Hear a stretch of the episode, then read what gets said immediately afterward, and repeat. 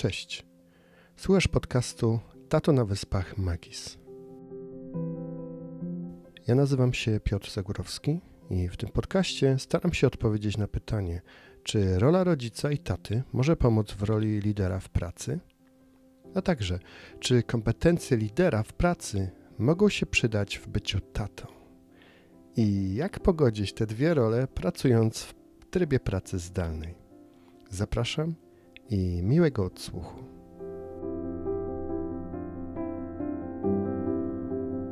Witam, witam w kolejnym 50. już odcinku mojego podcastu Tato na Wyspach. To jest równocześnie drugi odcinek w nowej serii, w nowym sezonie mojego podcastu, który poświęcony jest pracy zdalnej.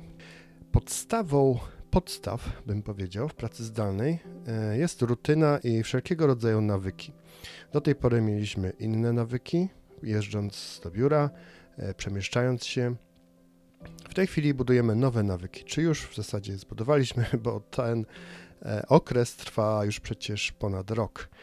Ale czy zastanawiamy się, czy rutyna jest dla nas dobra, czy te rutyny, te nawyki, które budujemy sobie świadomie lub nie, są dla nas dobre, bo zwyczaje i rutyna są zazwyczaj dobre i tak nam się kojarzą.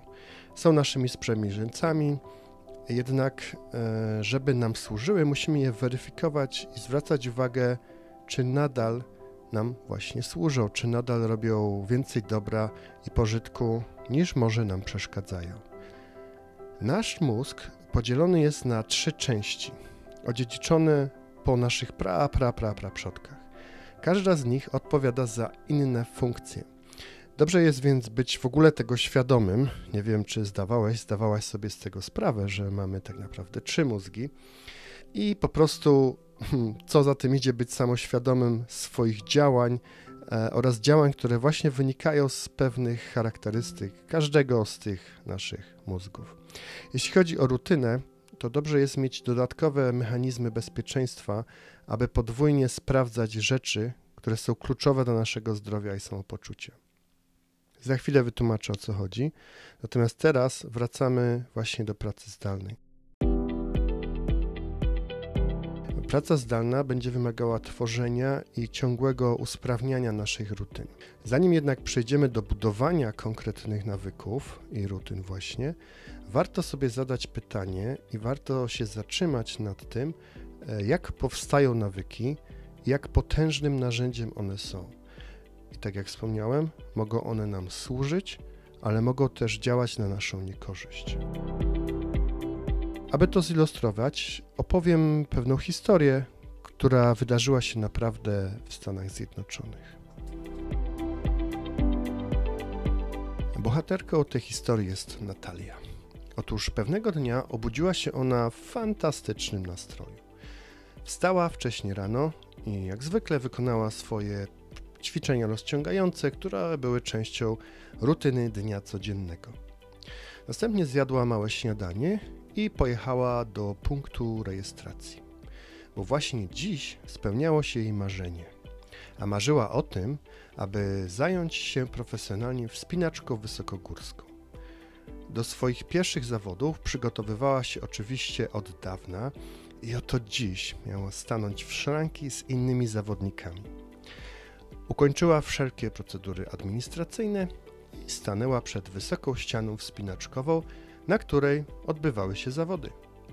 Następnie po raz ostatni przejrzała swoją listę kontrolną, taką jakby checklistę, odetchnęła głęboko świeżym powietrzem. Przypominam, że pogoda była fantastyczna i zaczęła się wspinać.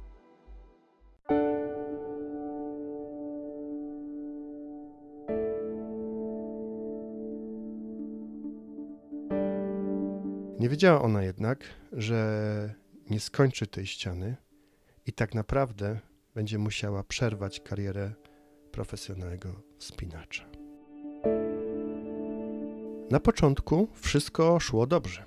Pogoda była idealna, nasza bohaterka była przygotowana, bo przecież zaprojektowała i wdrożyła perfekcyjną rutynę.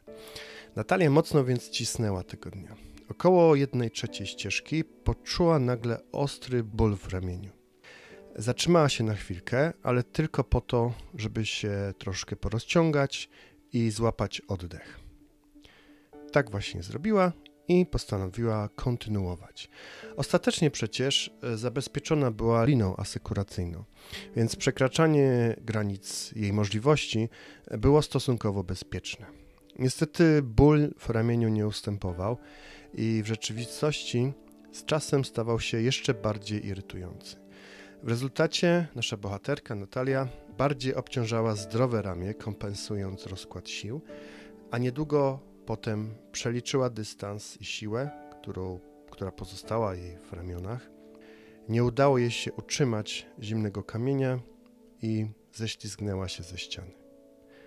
Spodziewała się gwałtownego szarpnięcia liny zabezpieczającej, ale to nie następowało. Coś było nie tak.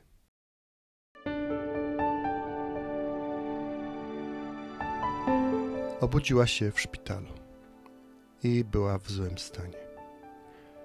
Lekarze przekazywali wiadomość w małych dawkach. Natalia będzie musiała przerwać karierę zawodowego wspinacza i tak naprawdę będzie miała szczęście, gdy w ogóle wyjdzie kiedykolwiek o własnych siłach na spacer. Czekała ją długa i bolesna rehabilitacja. Aby zająć sobie czymś umysł, Natalia na razie postanowiła analizować to, co poszło nie tak. Dlaczego lina zabezpieczająca nie zadziałała?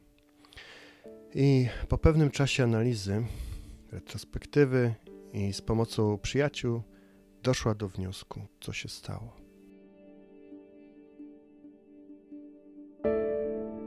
Jej rutyna była dobra. Normalnie wszystko by zadziałało, z jednym małym wyjątkiem.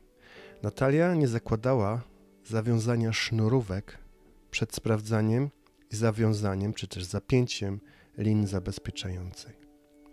W ten niefortunny poranek zauważyła, że musi zawiązać sznurowadła, co też szybko uczyniła. Działo się to jednak już podczas rutynowego działania, tuż przed rozpoczęciem zawodów. I to wystarczyło, żeby jej mózg odznaczył fakt wiązania czegokolwiek i przeszedł do kolejnego punktu listy kontrolnej, kolejnego punktu rutynowego. W rezultacie na swoje pierwsze poważne zawody narzuciła sobie bardzo szybkie tempo, mocno przekraczając swoje granice, ale tak naprawdę pomijając najważniejszy element jej bezpieczeństwa, czyli właśnie linę asekuracyjną. Potem nadwyrężyła ramię, upadła i tylko cudem przeżyła. Natalia wyzdrowiała i znów jest w stanie się wspinać. Głównie dzięki swojemu uporowi oraz wprowadzeniu nowej rutyny, która pozwoliła jej się całkowicie zrehabilitować i powrócić do sił. To jest temat na osobną historię. Dzisiaj skupimy się na rutynie, która jest ogólnie zjawiskiem pozytywnym, ale może działać też przeciwko nam. Jeśli nie mamy żadnych mechanizmów korekcji, czy wręcz bezpieczeństwa, tak jak w przypadku historii Natalii. Wiele osób pisze, mówi o przyzwyczajeniach, o sile przyzwyczajeń, rutynie. Jest wiele fantastycznych książek i wpisów na blogach na ten temat. Ja jestem sam zwolennikiem i wielkim fanem tworzenia i wdrażania zestawu dobrych nawyków. Pomagają one zautomatyzować wiele rzeczy, a jeśli są poprawnie ustawione i wdrożone, to pomagają osiągnięciu naszych celów.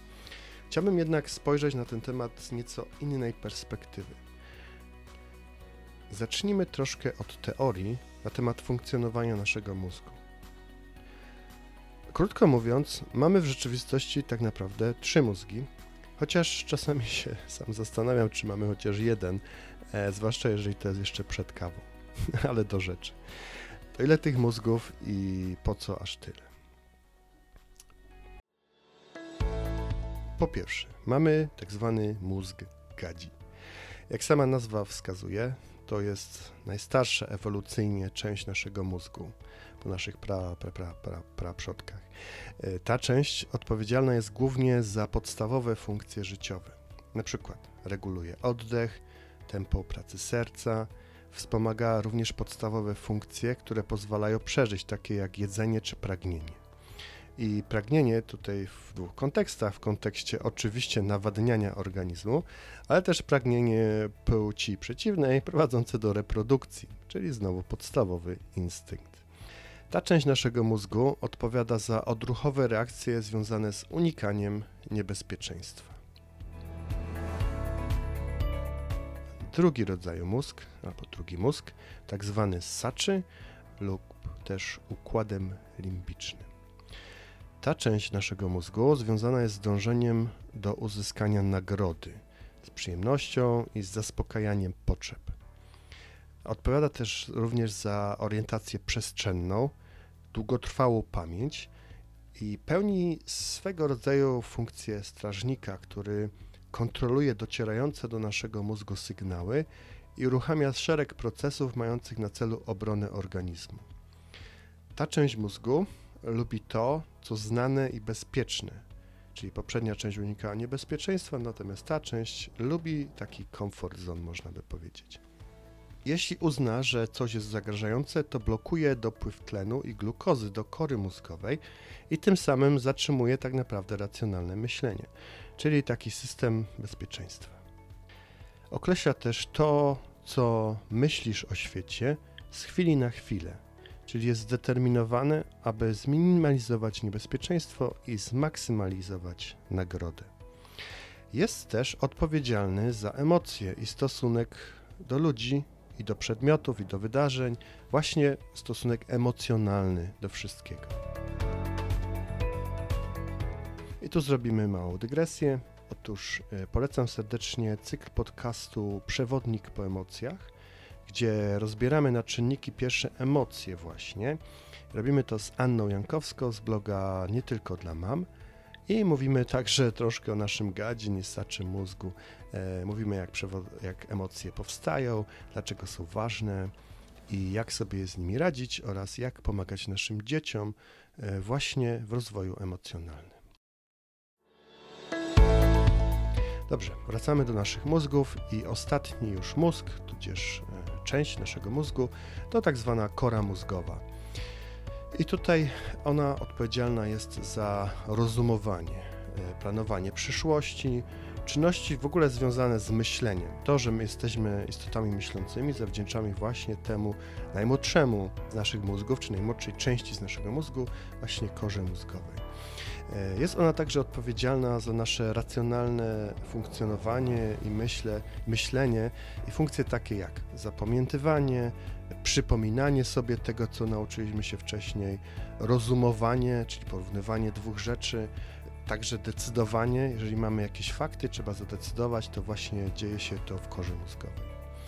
Umie też e, rozeznawać i przechowywać i powtarzać wzory i tu dochodzimy znowu do rutyny i nawyków, czyli pomaga nam działać w taki algorytmiczny sposób. Jeśli to, to tamto.